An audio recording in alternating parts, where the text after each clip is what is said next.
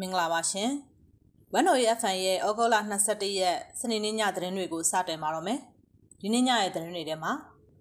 စစ်ကောင်စီတပ်ရိုက်နှက်ခဲ့တဲ့အသက်80ကျော်အဖိုးကွယ်လွန်သွားတဲ့တဲ့။မတရားမြို့နယ်မှာအာနာသိန်းလက်နက်ကင်ဖွဲ့ကပြစ်ခတ်လို့နှစ်ဦးသေဆုံးပြီးသုံးအဖမ်းခံရတဲ့တဲ့။မကွေးလေတပ်ကစစ်တီ36ယောက်လက်နက်တွေနဲ့အတူထွက်ပြေးတယ်လို့ဒေသခံပျောက်ကြားတပ်ဖွဲ့ဝင်တွေကပြောကြားလိုက်တဲ့တဲ့။ လှိုင်သာယာမြို့မှရဲစခန်းရှိမှ၃ချိန်စက်တိုက်ဘုံပေါက်ကွဲတာဟာ CGF HDY ကသူတို့ရဲ့လက်ချက်ဖြစ်တယ်လို့ချက်ချင်းထုတ်ပြန်လိုက်တဲ့တဲ့။တက်မတော်ချီမြင့်တဲ့အထက်ဆက်ယုံပေါက်ကွဲမှုမှာတက်ထောက်ပို့ကားတွေပျက်စီးသွားတဲ့တဲ့။စစ်ကောင်စီကဖားကတ်မှာအင်တာနက်လိုင်းတွေဖြတ်တောက်ထားတဲ့တဲ့။နွေဦးထီကိုအားပေးတဲ့ KP အကောင့်40ကိုဆိုင်းငံ့ထားဖို့စစ်ကောင်စီကညွှန်ကြားလိုက်တဲ့တဲ့။ ရခိုင်မှာလူပေါင်း2သိန်းကျော် COVID-19 ကာကွယ်ဆေးထိုးနှံပြီးစီးတယ်လို့ဆိုတဲ့တဲ့စတဲ့တဲ့တွေအပြင်ရခိုင်ပြည်နယ်မှာအေးဩစာကျပြန့်လာတာနဲ့အမျှနောက်ဆက်တွဲဖြစ်လာနိုင်မဲ့အခြေအနေတွေကိုနိုင်ငံရေးလေးလာသုံးသက်သူဦးတန်းစိုးနိုင်ကိုဆက်သွယ်မေးမြန်းချက်နဲ့နိုင်ငံတကာသတင်းတွေကိုနားဆင်ရမှာပါ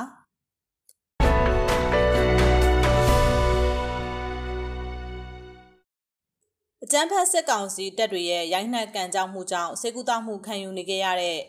နှမ်းခါကျေးရွာကအသက်80ကျော်ဖိုးဟာဒီနေ့မနက်ပိုင်းမှာကွယ်လွန်သွားခဲ့ပြီဖြစ်တယ်လို့ဒေသခံတွေကမျက်စိမှကိုပြောပါတယ်။ဒီနေ့မနက်၄နာရီလောက်ကကွယ်လွန်သွားတာပါ။မနက်9နာရီလောက်မှာတကြိုလိုက်ပါတယ်။ကြံခဲ့တဲ့မိသားစုတွေကတော့အသက်ကြီးရွယ်ကိုအဖိုးတယောက်ကိုအခုလိုလှုပ်သွားတဲ့အတွက်ခံမြင်ဒေါသထွက်ကြတာပေါ့လို့ပြောပါတယ်။ဩဂုတ်လ18ရက်ညနေပိုင်းမှာစစ်ကောင်စီတပ်တွေကမကွေးတိုင်းဒေသကြီးဂံကောမြို့နယ် နှမ်းခါကျေးရွာကိုဝင်ရောက်ခဲ့ရာရွာကန်အများစုကထွက်ပြေးတိမ်းရှောင်ခဲ့ချိန်မှာ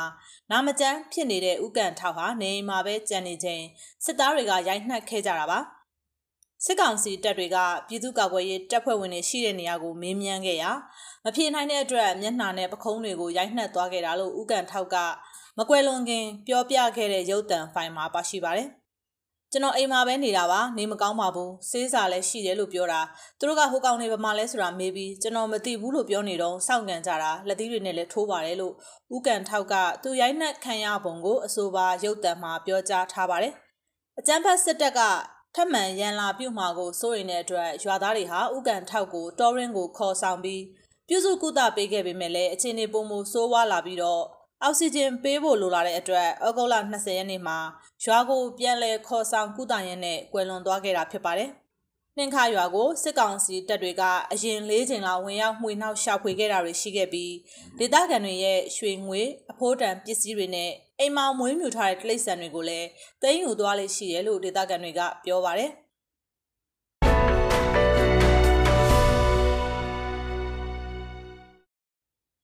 မန္တလေးတိုင်းမတရားမြို့နယ်တန်ငါတောင်ရွာကိုအာနာသိန်းလက်နက်ကင်အဖွဲ့ကဩဂုတ်လ20ရက်နေ့ည8နာရီချိန်မှာအလုံးရင်းနဲ့ဝင်ရောက်စီးနင်းပစ်ခတ်ခဲ့လို့နှစ်ဦးသေဆုံးပြီးသုံးအဖမ်းခံခဲ့ရတယ်လို့သိရပါတယ်။ကားဆယ်စီးလောက်နဲ့ဝင်လာတာပြစ်ပြစ်ဝင်ဝင်ဝင်လာတာပဲအဖမ်းခံရတာရောသေဆုံးတာရောရှိတယ်လို့ဒေသခံတအူးကပြောပါတယ်။အနာသိန်းလက်နက်ကင်အဖွဲ့ဟာ NLD ရက်ကြီးဥက္ကဋ္ဌနေနဲ့အုပ်ဆက်တွေကိုလည်းဝင်ရောက်ရှာဖွေတာတွေလုပ်ခဲ့တယ်လို့သိရပါတယ်။ အဖမ်းဆီးခံခဲ့ရသူတွေကတော့စီရီယန်ရဲဝန်ထမ်းတဦးနဲ့ရက်ကျေးအုပ်ချုပ်ရေးမှူးဟောင်းတဦးအပါအဝင်၃ဦးဖြစ်တယ်လို့သိရပြီးနှစ်ဦးကြာဆုံးခဲ့တာနဲ့ပတ်သက်ပြီးတော့မြစည်းမအနေနဲ့တိကျအတည်ပြုချက်မရသေးပါဘူး။တည်ဆုံးခဲ့သူနှစ်ဦးဟာရွာကန်နေမဟုတ်ဘဲနဲ့လာရောက်တိန်းရှောင်နေသူတွေဖြစ်တယ်လို့ဒေသခံတွေကပြောပါတယ်။ရွာကိုစစ်ကြောင်းဝင်လာတယ်ဆိုတော့တိန်းရှောင်သူနှစ်ဦးကတငါချောင်းဘက်ကိုထွက်ပြေးတယ်။အဲ့ဒီဘက်ကိုလိုက်ပစ်တာပဲလို့ဒေသခံတအူးကပြောပါတယ်။ အခုဖြစ်ရတဲ့ပတ်သက်ပြီးတော့အာနာသိန်းလက်နက်ကင်အဖွဲ့ကမဟုတ်မမှန်လူမှုကွန်ရက်စာမျက်နှာမှာသတင်းလွှင့်နေတာတွေရှိနေပါတယ်။ PDF တွေရောက်နေတာသတင်းရတဲ့အတွက်ဝင်ရောက်ရှာဖွေရာကနေအပြန်အလှန်ပြစ်ခတ်မှုတွေဖြစ်ခဲ့တာကြောင့် PDF နှစ်ဦးသေဆုံးပြီးသုံးဦးကိုဖမ်းဆီးရမိခဲ့တယ်လို့လူမှုကွန်ရက်စာမျက်နှာတွေမှာရေးသားထားပါတယ်။အခုသူတို့ဘက်ကသတင်းဖြန့်တာတွေကလိမ့်နေတာပါအပြန်အလှန်ပြစ်ခတ်တာမရှိပါဘူး PDF တွေလည်းမဟုတ်ပါဘူးဘာလက်နှမ်းမှမပါဘူးရွာမှာလာရှောင်နေသူတွေပါလို့ဒေသခံတအူးကပြောပါတယ် နောက်ထပ်ဒေသခံတအုပ်ကလည်းတကယ်ကတနက်မှန်တဲ့နှစ်ယောက်ကဘာလက်နက်မှမပါပါဘူးလို့ဆိုပါတယ်။တေဆုံးသူနှစ်ဦးရဲ့ရုပ်အလောင်းတွေကိုအာနာသိန်းလက်နက်ကင်ဖွဲ့ကယူဆောင်သွားပြီးတော့ဖမ်းဆီးခံရသူတွေကိုဗမာထားတယ်ဆိုတာလည်းမသိရသေးဘူးလို့ဒေသခံတွေကဆိုပါတယ်။လက်ရှိမရယာမြို့နယ်အတွင်းမှာအာနာသိန်းလက်နက်ကင်ဖွဲ့ကစစ်ဆေးတာရှာဖွေတာတွေလုပ်နေဆဲဖြစ်တယ်လို့သိရပါတယ်ရှင်။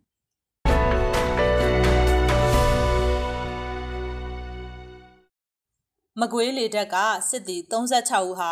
လက်နက်တွေနဲ့အတူထွက်ပြေးသွားပြီးတော့လုံခြုံတဲ့နေရာကိုရောက်ရှိနေပြီဖြစ်တယ်လို့ယုံကြည်စိတ်ချရတဲ့ဒေသခံပျောက်ကြားတပ်ဖွဲ့ဝင်တဦးကပြောပါတယ်။မြစည်းမအနေနဲ့တီးကြအတီးပြုချက်ရယူနိုင်ခြင်းမရှိသလိုအသေးစိတ်အချက်လက်တွေကိုလည်းလုံခြုံရေးကြောင့်ထုတ်ပြောနိုင်စွမ်းမရှိဘူးလို့သတင်းရင်းမြစ်ကပြောပါတယ်။အဆိုပါမကွေးလေတပ်စခန်းမှာဩဂုတ်လ10ရက်နေ့ကဘုံပေါက်ကွဲမှုဖြစ်ပွားခဲ့ပြီးတော့အဲ့ဒီမတိုင်ခင်မှာရှော့တိုက်တုံးတွေနဲ့လည်းပြစ်ခတ်တိုက်ခိုက်ခံခဲ့ရပါတယ်။လုံခြုံရေးတင်းကျပ်ထားတဲ့လေတပ်စခန်းတစ်ခုလုံးအတွင်း ဘုံပေါက်ခွဲမှုကိုဗိတ်တနိုးနယ်မြေပြည်သူ့ကာကွယ်ရေးတပ်ကသူတို့လှုပ်ဆောင်ခဲ့တာဖြစ်တယ်လို့ထုတ်ပြန်ထားပါတယ်။အဲဒီလိုလှုပ်ဆောင်ခဲ့ရမှာမဟာမိတ်တပ်ပေါင်းစုအဖွဲ့နဲ့ပူးပေါင်းဆောင်ရွက်ခဲ့ကြောင်းဗိတ်တနိုးနယ်မြေပြည်သူ့ကာကွယ်ရေးတပ်ဖွဲ့ကပြောပါတယ်။ဗိတ်တနိုးနယ်မြေပြည်သူ့ကာကွယ်ရေးတပ်ဟာမကွေးနဲ့နယ်မြေချင်းထိစပ်နေတဲ့တောင်တွင်းကြီးမြို့နယ်မှာအထူးကလှုပ်ရှားနေတဲ့အဖွဲ့ဖြစ်ပါတယ်။ပြီးခဲ့တဲ့ရက်ပိုင်းကလည်းတဝဲအခြေဆိုင်ခလာရ25တပ်ရင်းကနေစစ်ကောင်စီတပ်ဖွဲ့ဝင်25ဦးဟာ လက်နက်အပြည့်စုံနဲ့ထွက်ပြေးသွားတယ်လို့သတင်းတွေထွက်ပေါ်ခဲ့ပြီးနောက်စစ်ကောင်စီကတဝဲမြို့ပေါ်မှာစစ်ဆေးမှုတွေတိုးမြင့်လှုပ်ဆောင်ခဲ့တယ်လို့ဒေသခံတွေကပြောပါတယ်။ပြည်သူ့ကာကွယ်ရေးတပ်ဖွဲ့ဝင်တွေကလည်းတက်မတော်သားတွေအနေနဲ့စေအုပ်စုရဲ့အကျိုးစီးပွားကိုအသက်ပေးကာကွယ်ခြင်းမလုပ်ဘဲနဲ့ပြည်သူ့ဘက်ကရည်တည်ကြဖို့ထုတ်ပြန်ထားပါတယ်။အာနာဖီဆယ်ရေးလှုပ်ရှားမှု CDN ပြုလုပ်ထားတဲ့တက်မတော်အရာရှိတွေနဲ့စုဖွဲ့ထားတဲ့ ပြည်သူစစ်သားအဖွဲ့ကလည်းမြို့သားညီညွတ်ရေးအစိုးရ UNG ကကူညီပေးနိုင်တယ်ဆိုရင်တလအတွင်းစစ်ကောင်စီတပ်ကနေထွက်လာမဲ့စစ်သား900လောက်ရှိတယ်လို့မနေ့ကအသိပေးထုတ်ပြန်ထားပါတယ်။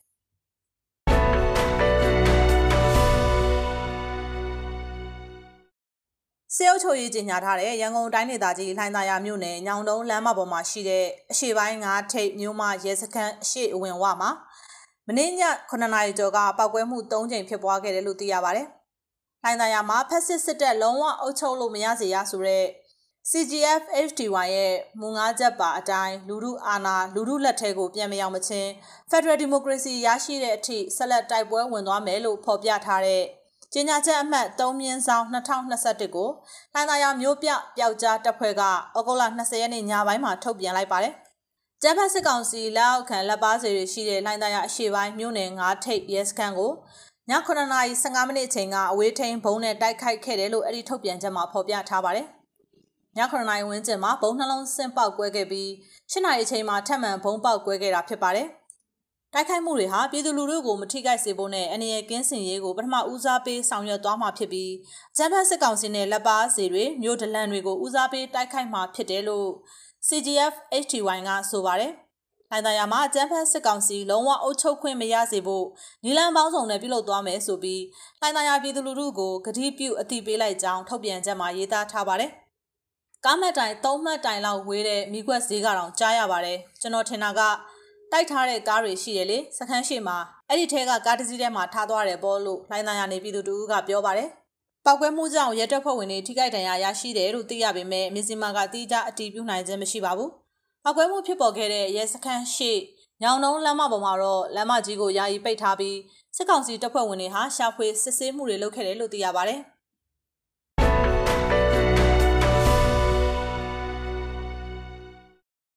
ရန်ကုန်တိုင်းလှိုင်မြို့နယ်16ရပ်ကွက်မှာရှိတဲ့အကျန်းဖတ်စစ်ကောင်စီလက်အောက်ခံ တက်မတော်ချီမြင်တဲ့အထက်ဆက်ယုံမှာဩဂုတ်လ20ရက်နေ့နေ့လယ်တနာရီဝန်းကျင်ကဘုံသုံးချိန်ပောက်ကွဲမှုဖြစ်ပွားခဲ့ပြီးစစ်တပ်ထောက်ပို့ကား3စီးဒါမှမဟုတ်5စီးလောက်ထိခိုက်မှုရှိနိုင်တယ်လို့အမည်မဖော်လိုတဲ့မျိုးပြတော်လှန်ရေးတပ်ဖွဲ့ဝင်တအူးကပြောပါတယ်။မြေပြင်အတည်ပြုနိုင်တဲ့သတင်းတွေအရဆက်ယုံဝင်းအတွင်းမှာရှိတဲ့ကား3စီးကနေ5စီးလောက်အထိခိုက်ရှိနိုင်ပါတယ်။လူထိခိုက်မှုကတော့အတည်ပြုလို့မရနိုင်သေးပါဘူးလို့သူကမြစည်းမကိုပြောပါတယ်။ အဲ့ဒီဖွဲ့ဟာရန်ကုန်မြို့ဆက်ယုံဝင်းအတွင်းမှာရှိတဲ့စစ်တပ်ကိုထောက်ပံ့ပို့ဆောင်နေတဲ့ထောက်ပို့ကားတွေဝန်ထမ်းအကျိုးပို့ခြင်းတွေကိုပြစ်မှတ်ထားဖောက်ခွဲခဲ့တာဖြစ်ပါတယ်။ဖောက်ခွဲမှုပြုလုပ်ရမှာမတရားသဖြင့်စေခိုင်းမှုကြောင့်ရုံးတက်နေရတဲ့ CDM မပြုလုပ်ရသေးတဲ့ဝန်ထမ်းတွေကိုစာနာထောက်ထားသောအဖြစ်တက်ထောက်ပို့ကားတွေကိုသာပြစ်မှတ်ထားဖောက်ခွဲခဲ့တာဖြစ်တယ်လို့သူကဆိုပါတယ်။ရန်ကုန်တိုင်းတွင်ဩဂုတ်လပထမအပတ်ကစပြီးနေရာအနှံ့မှာနေ့စဉ်လိုလိုဇက်တိုက်ပောက်ကွဲမှုတွေဖြစ်ပေါ်နေခဲ့ပါတယ်။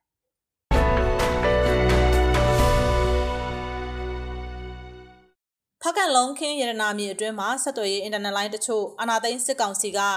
မနေ့ည8နာရီနောက်ပိုင်းစတင်ထိန်းချုပ်ကန့်သက်လိုက်တယ်လို့ဒေသခံတွေကပြောပြပါဗျ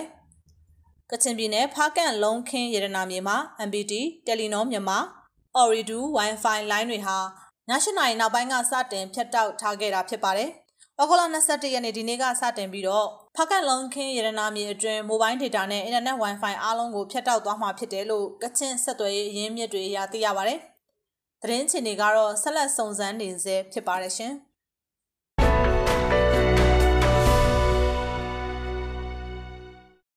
မြို့သားညီညွတ်ရေးအစိုးရကရောင်းချနေတဲ့အောင်လန်လွင့်ချီຫນွေဦးထီကိုပြည်သူတွေဝယ်ယူအားပေးခြင်းမပြုဖို့တားဆီးမှုအဖြစ်အာနာသိန်းစစ်ကောင်စီကကမ္ဘောဇဘဏ်ရဲ့ KBZ ပေးအကောင့်40ကို ဆိုင်းငံ့ပိတ်ထားဖို့ညွှန်ကြားလိုက်တယ်လို့ဘဏ်ဝန်ထမ်းအတိုင်းဝိုင်းထံကသိရပါတယ်။နှွေဦးထီကိုဝယ်ယူတာတဆင့်ရောင်းဝယ်တာငွေလွှဲတာတွေပြုလုပ်နေတယ်လို့ယူဆရတဲ့ KBZ ပေးအကောင့်40ကိုဆိုင်းငံ့ပိတ်ပင်ပြီးအကောင့်ပိုင်ရှင်တွေကိုသတင်းအချက်လက်များပေးပို့ဖို့ညွှန်ကြားထားတယ်လို့သတင်းရင်းမြစ်ကပြောပါတယ်။အခုထိကိစ္စမှာဘဏ်အကောင့်တွေနဲ့မဆိုင်ပဲ KBZ ပေးအကောင့်တွေကိုစီစစ်နေရလို့သိရပါတယ်။အခုလိုအကောင့်40ကိုပိတ်သိမ်းခိုင်းတာဟာမနေ့ကညွှန်ကြားချက်ဖြစ်ပြီးတော့ဒီနေ့အကောင့်ဘယ်လောက်ထပ်တိုးလာမလဲဆိုတာမသိရသေးဘူးလို့သူကဆိုပါတယ်။ အကောင့်တွေဟာ level 2ဖြစ်တာငွေလဲရတဲ့အကြောင်းရင်းရေးသားဖော်ပြချက်မှာနှွေဦးထီနဲ့ပတ်သက်တဲ့အကြောင်းအရာတွေပါရှိနေတာစတာတွေကိုအဓိကစစ်ဆေးကပိတ်ခိုင်းတာဖြစ်တယ်လို့သူကရှင်းပြပါတယ်။အလားတူညွှန်ကြားချက်တွေကိုတခြားဘဏ်တွေမှာညွှန်ကြားခြင်းရှိမရှိကိုမြစည်းမကမေးမြန်းစုံစမ်းနေဆဲဖြစ်ပါတယ်။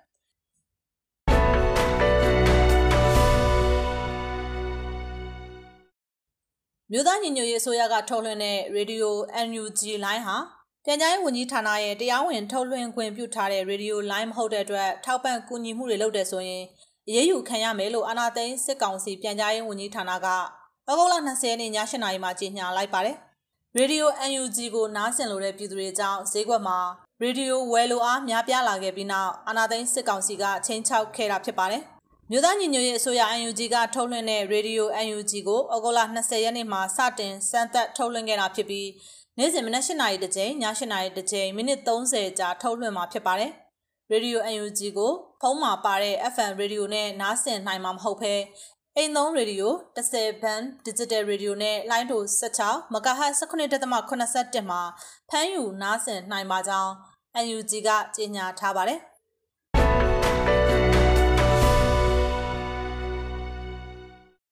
ပြည်သူနဲ့အတူလာရောက်ပူးပေါင်းတဲ့တပ်မတော်သားတွေကိုလှိုက်လဲစွာကြိုးဆိုနေပြီးလုံခြုံရေးအထူးအာမခံတဲ့အပြင်ပြည်သူတွေကချီးမြှင့်တဲ့စုချင်းငွေတွေပေးမှဖြစ်တာကြောင့်လာရောက်ပူးပေါင်းကြဖို့တိုက်တွန်းတယ်လို့ကရင်ပြည်မျိုးသားကာကွယ်ရေးတပ် KMDF ကထုတ်ပြန်ပါတယ်။ KMDF ဟာအကြမ်းဖက်စစ်ကောင်စီနဲ့တိုက်ပွဲတွေဖြစ်ပွားရာအောက်ခြေစစ်သားတွေထိခိုက်ဒဏ်ရာရရှိမှုတေဆုံးမှုတွေဟာ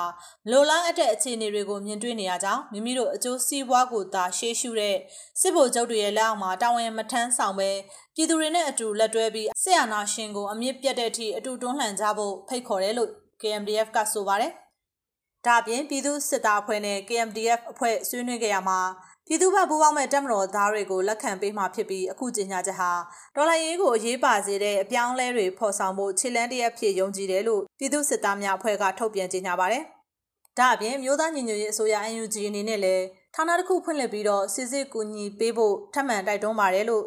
ပြည်သူ့စစ်သားများအဖွဲ့ကဆိုပါတယ်။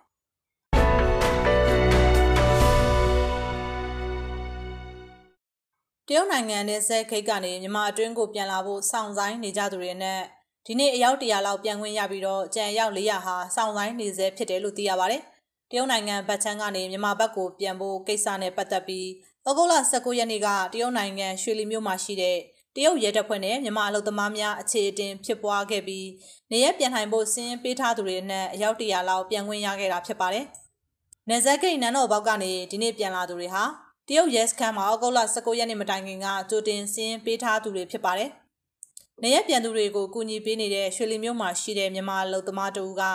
တရုတ်ရဲစခန်းတစ်ခုကနေလူရောက်တရာလောက်ပဲလွှတ်ပြီးတော့ဒီလ19ရက်နေ့မှာစင်းပေးထားတဲ့သူနည်းနည်းပဲကြံမာတော့တယ်အခုကစခန်း၃ခုမှာပြန်ဖို့စောင့်နေတဲ့သူတွေ400လောက်ကြံသေးတယ်လို့ပြောပါတယ်။နေရပြန်မဲ့မြန်မာလူသမားတွေဟာရွှေလီမြို့မှာရှိတဲ့ဒေါင်ဝိုင်းအောက်ဈေးနဲ့ကျေးလက်ရဲစခန်း၃ခုမှာစောင့်ဆိုင်နေကြတာဖြစ်တယ်လို့သူကဆိုပါတယ်။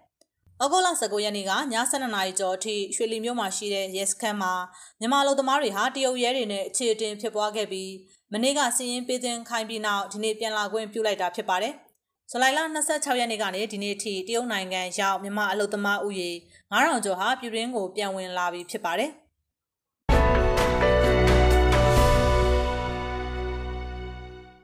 ရခိုင်ပြည်နယ်အတွင်း COVID-19 ရောဂါကာကွယ်ဆေးထိုးနှံခွင့်ရှိသူတွေအနက်လူပေါင်း2သိန်းကျော်ဟာကာကွယ်ဆေးထိုးနှံပြီးဖြစ်တယ်လို့ပြည်내ကျန်းမာရေးဦးစီးဌာနလက်ထောက်ညွှန်ကြားရေးမှူးဒေါက်တာစိုးဝင်းပိုင်ကမြစည်းမကိုပြောပါတယ်။အဲ့ဒီအရေးအတွက်ဟာအိန္ဒိယနိုင်ငံထုတ် COVID-19 ကာကွယ်ဆေးနဲ့တရုတ်နိုင်ငံထုတ် COVID-19 ကာကွယ်ဆေးအမျိုးအစား2မျိုးပေါင်းထိုးနှံပြီးစီးတဲ့အရေးအတွက်ဖြစ်ပါတယ်။အိန္ဒိယနိုင်ငံထုတ် COVID-19 ကာကွယ်ဆေးထိုးနှံပြီးသူဦးရေဟာတသိန်း2000ကျော်နဲ့ တရုတ်နိုင်ငံထုတ် COVID-19 ကာကွယ်ဆေးထိုးနှံပြီးသူဟာ9500ကျော်ရှိနေပြီဖြစ်တယ်လို့လက်ထောက်ညွှန်ကြားရေးမှူးဒေါက်တာစိုးဝင်းပိုင်ကဆိုပါတယ်။အိန္ဒိယကာကွယ်ဆေးကိုကျွန်တော်တို့၄လပိုင်း၅လပိုင်း6လပိုင်းလောက်မှာထိုးတာပါ။တရုတ်ကာကွယ်ဆေးကိုတော့9လပိုင်းနဲ့10လပိုင်းမှာထိုးတာနှစ်ကြိမ်ထိုးပြီးသားပါလို့သူကမြစည်းမကိုပြောပါတယ်။ COVID-19 ကာကွယ်ဆေးရရှိတဲ့အရေးအတွက်ပေါ်မူတည်ပြီးကာကွယ်ဆေးထိုးနှံခွင့်ရှိသူအလုံးကိုထိုးပေးဖို့စီစဉ်ထားကြောင်းလည်းပြည်내ကျန်းမာရေးဦးစီးဌာနကပြောပါတယ်။ ရခိုင်ပြည်နယ်မှာ COVID-19 တတိယလှိုင်းအတွင်းဩဂုတ်လ20ရက်နေ့အထိပိုးကူးစက်ခံရသူပေါင်း3963ဦးရှိပြီးတော့သေဆုံးသူ360ဦးနဲ့ဆေးရုံကဆင်းခွင့်ရသူ412ဦးရှိကြောင်းပြည်내ကျန်းမာရေးဦးစီးဌာနကထုတ်ပြန်ထားပါတယ်။ရခိုင်ပြည်နယ်အတွင်း Stay at Home ကာလကိုဩဂုတ်လ19ရက်နေ့ကနေဩဂုတ်လ25ရက်နေ့အထိနောက်ထပ်တစ်ပတ်သက်တမ်းတိုးမြင့်သတ်မှတ်ထားကြောင်းရခိုင်တပ်တော် AA ကကြေညာထားပါတယ်။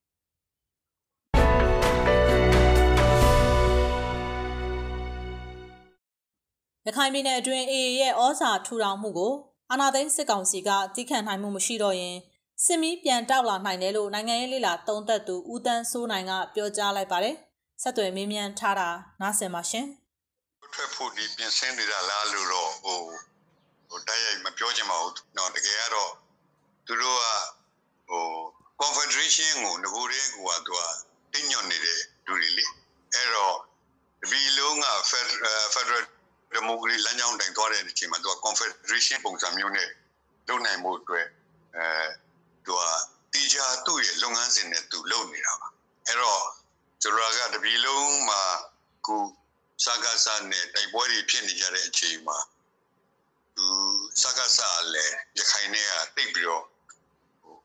ပြင်းထန်တဲ့တိုက်ပွဲတွေမဖြစ်စေချင်အဲ့ဒါကြောင့်ယာယီသူကလွတ်ပေးထားတာပါနော်ယာယီ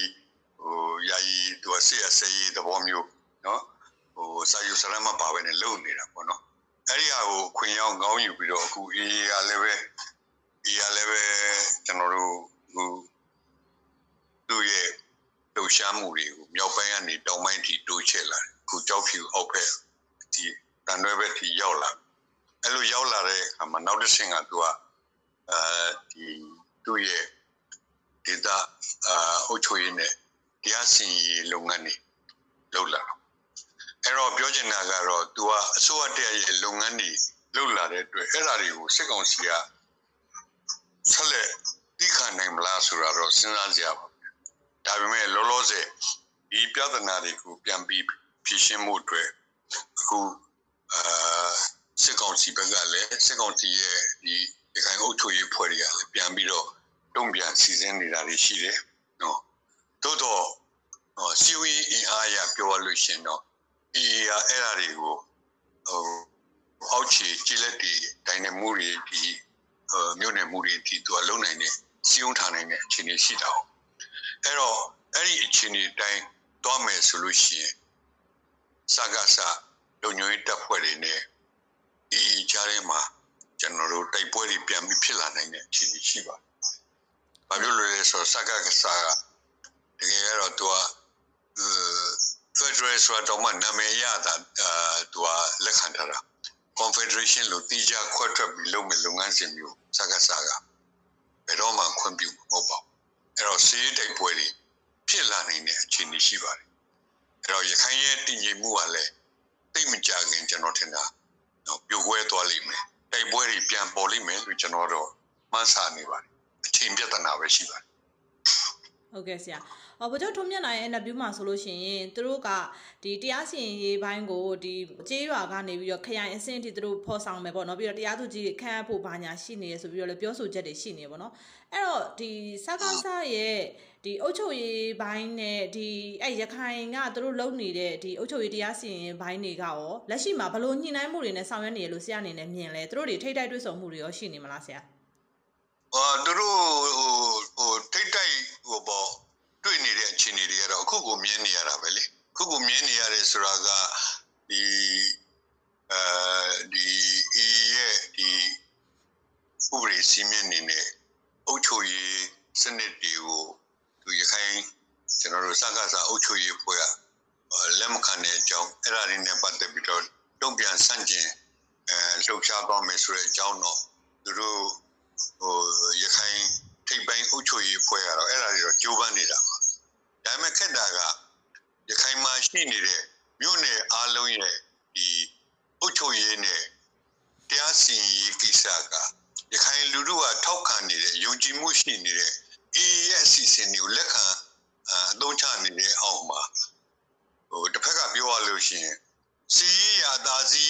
ရမရမယူနိုင်မဲနဲ့စကားစရဲ့ရခိုင်ကအုပ်ချုပ်ရေးအဖွဲ့တွေအနေနဲ့ဘာမှလုပ်လို့ရမှာမဟုတ်ဒါကြောင့်စစ်ပြန် ဖြစ်လိမ့်မယ်လို့ကျွန်တော်ခမန်းနဲ့ကြောင်ပြောတာဟုတ်ကဲ့ပါဆရာနောက်တစ်ခုကဒီအဲဗိုလ်ချုပ်ထွန်းမြတ်နိုင်ရဲ့ဖြည့်ကြားချက်ထဲမှာပါသေးရဲ့ဆရာအဲ့ဒါကလောလောဆယ်မှာသူတို့ကဒီမွတ်စလင်အင်အားစုကိုအတုံးချသွားဖို့သူတို့စ조사နေရပေါ့နော်အဲရဲလုပ်ငန်းစဉ်တွေမှာထည့်သွင်းမယ်ဗာညာဆိုပြီးပြောဆိုချက်တွေရှိနေတော့ပေါ့နော်ဒီအခြေအနေအောင်အောင်မြင်နိုင်ပွဲရရှိမလားဆရာရခိုင်ပြည်သူလူထုရဲ့သဘောထားရောဘယ်လိုရှိလာနိုင်တယ်လို့ဆရာအနေနဲ့သုံးသပ်မလဲအော်ဒီခုတော့ရှိတာပေါ့ဗျာဒါဟိုဗိုလ်ချုပ်ထွန်းမြတ်နိုင်ကလည်းဒီမှာ စီးရှင်ဝါဒီဆောက်ပြီးတော့စီယုံရေးဩဇာလည်းရှိတဲ့အခါကျတော့ဗိုလ်ချုပ်ထွန်းမြတ်နိုင်ကအဲ့ဒါလိုပြောတဲ့ကိစ္စအပေါ်မှာရခိုင်လူထုအနေနဲ့အဲတိတ်ပြီးမကျေနပ်တဲ့အစိတ်ပိုင်းတွေရှိတော်ညာလဲလောလောဆယ်ကတော့လက်ခံမဲ့အဲလက်ခံရမယ့်အနေအထားရှိပါတယ်ဒါပေမဲ့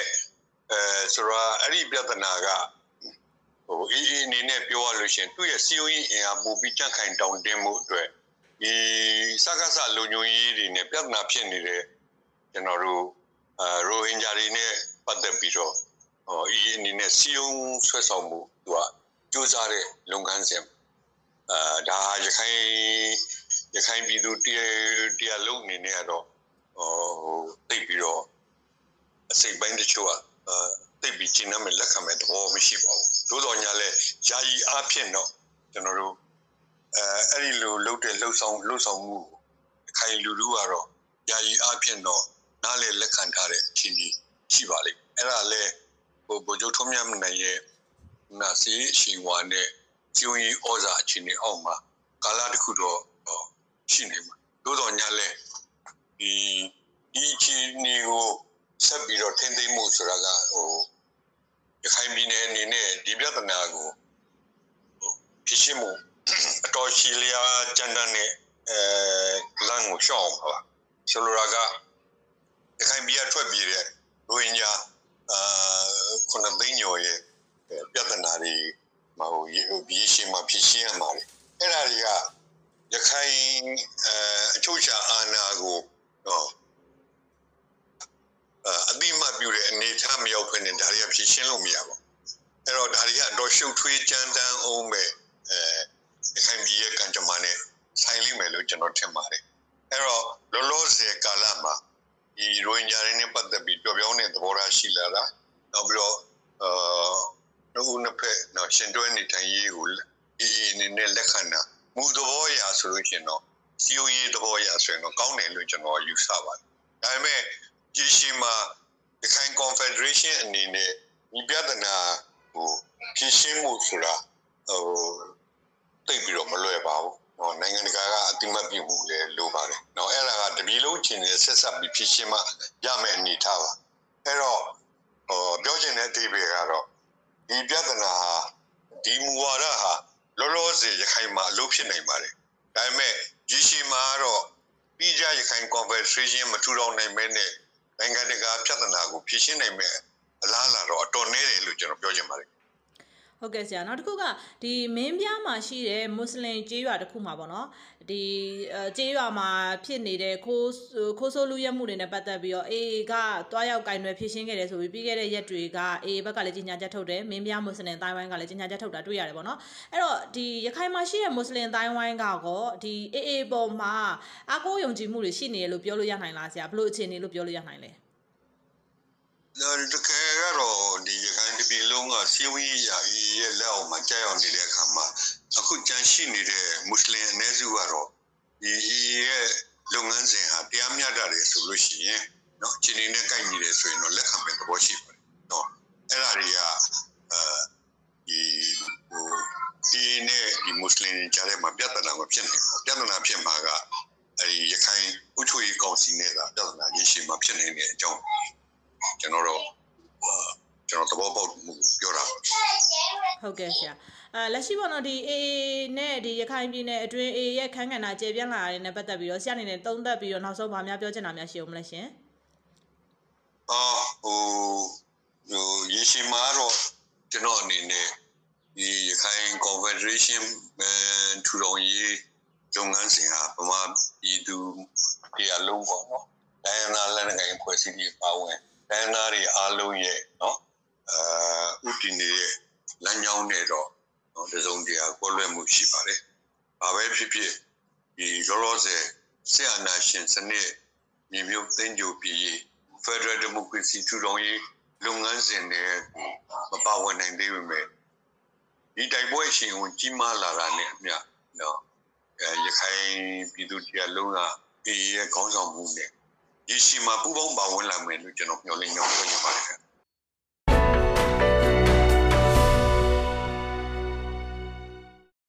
ဆက်လက်ပြီးတော့နိုင်ငံတကာသတင်းတွေကိုတင်ဆက်ပေးမှာပါ။အာဖဂန်နစ္စတန်ရဲ့နောက်တက်မဲ့အစိုးရမှာပါဝင်ခွင့်ရဖို့အမျိုးသမီးတွေက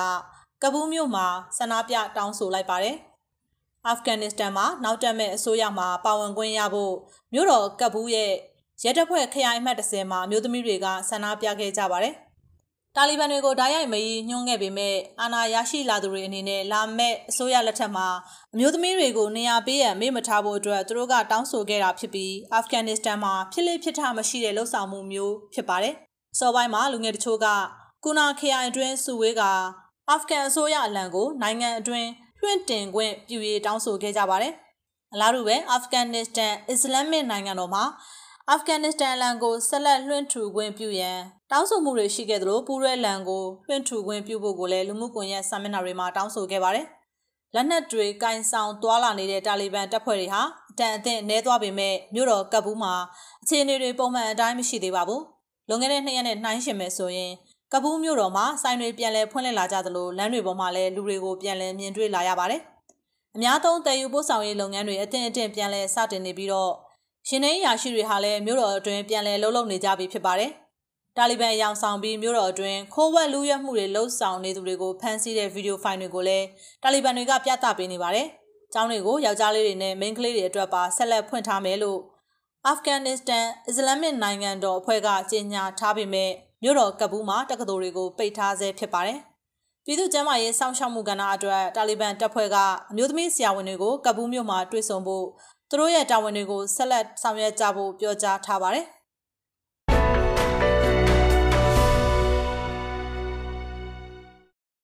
အမေရိကန်ကမ်းခြေဆောင်တပ်ဖွဲ့ကခြေလက်ငလင်စုံအတွင်းကပြင်းထန်ထိခိုက်ဒဏ်ရာရထားသူ20ကိုစေယုံကိုပို့ဆောင်လိုက်ပါတယ်။နားဆင်ပါရှင်။ American ကမ်းခြေဆောင်လေတပ်သားတွေဟာဟေတီနိုင်ငံကတောင်ပေါ်ရွာအန်နက်ကိုဆင်းသက်ပြီးငလျင်လှုပ်ခတ်စဉ်အတွင်းပြင်းထန်ထိခိုက်ဒဏ်ရာရထားသူဦး20ကိုအထူးကြက်မှတ်ကုသနိုင်ဖို့ Port au Prince မြို့ကိုဩဂုတ်လ20ရက်တောက်ကြနေ့ကပို့ဆောင်ပေးခဲ့ပါတယ်။အခုဆိုရင်ဩဂုတ်လ14ရက်စနေနေ့ကလှုပ်ခတ်ခဲ့တဲ့ အပြင်းဟေတီငလျင်ကြောင့်တည်ဆုံးသူဦးရေဟာ2439ဦးရှိသွားပြီဖြစ်ပြီးလူထောင်ပေါင်းများစွာအိုးမဲ့အိမ်မဲ့ဖြစ်သွားသလိုကယ်ဆယ်ရေးဝန်ထမ်းတွေအဖို့ထောက်ပံ့ကူညီရေးလုပ်ငန်းတွေမှာအခက်အခဲကြုံလာရပြီလို့မြို့ပြကာကွယ်ရေးအေဂျင်စီကဆိုပါတယ်။အခုဆိုရင်တဘာဝဘေးဒဏ်တိုက်ရိုက်ခံစားရပြီးလူသားချင်းစာနာမှုဆိုင်ရာအကူအညီအရေးပေါ်လိုအပ်နေသူ6သိန်းနီးပါးရှိပါတယ်။ လူမှုဖူလုံရေးအတွက်နီလန်းတွေရှာဖွေဆောင်ရွက်ခဲ့ပေမဲ့တည်တာတဲ့စိန်ခေါ်မှုတွေကတော့ရှိနေသေးပါပဲလို့ Po Operance မြို့ရဲ့အရေးပေါ်ကယ်ဆယ်ရေးဌာနကတာဝန်ရှိသူ Jerry Chandler ကဆိုပါတယ်။ခုလိုငလျင်မလောက်ခင်ကလည်းဟေတီနိုင်ငံဟာကမ္ဘာအစင်းရဲဆုံးနိုင်ငံဝင်ဖြစ်ပြီးကိုဗစ်ကပ်ရောဂါကူးစက်မှုမြင့်တက်နေသလိုပြီးခဲ့တဲ့လကမှနိုင်ငံရဲ့သမ္မတရှိုမီနယ်မိုအစ်လောက်ကြံခံရလို့နိုင်ငံရေးအကြက်တဲစိုက်နေခဲ့တဲ့နိုင်ငံတစ်ခုဖြစ်ပါတယ်။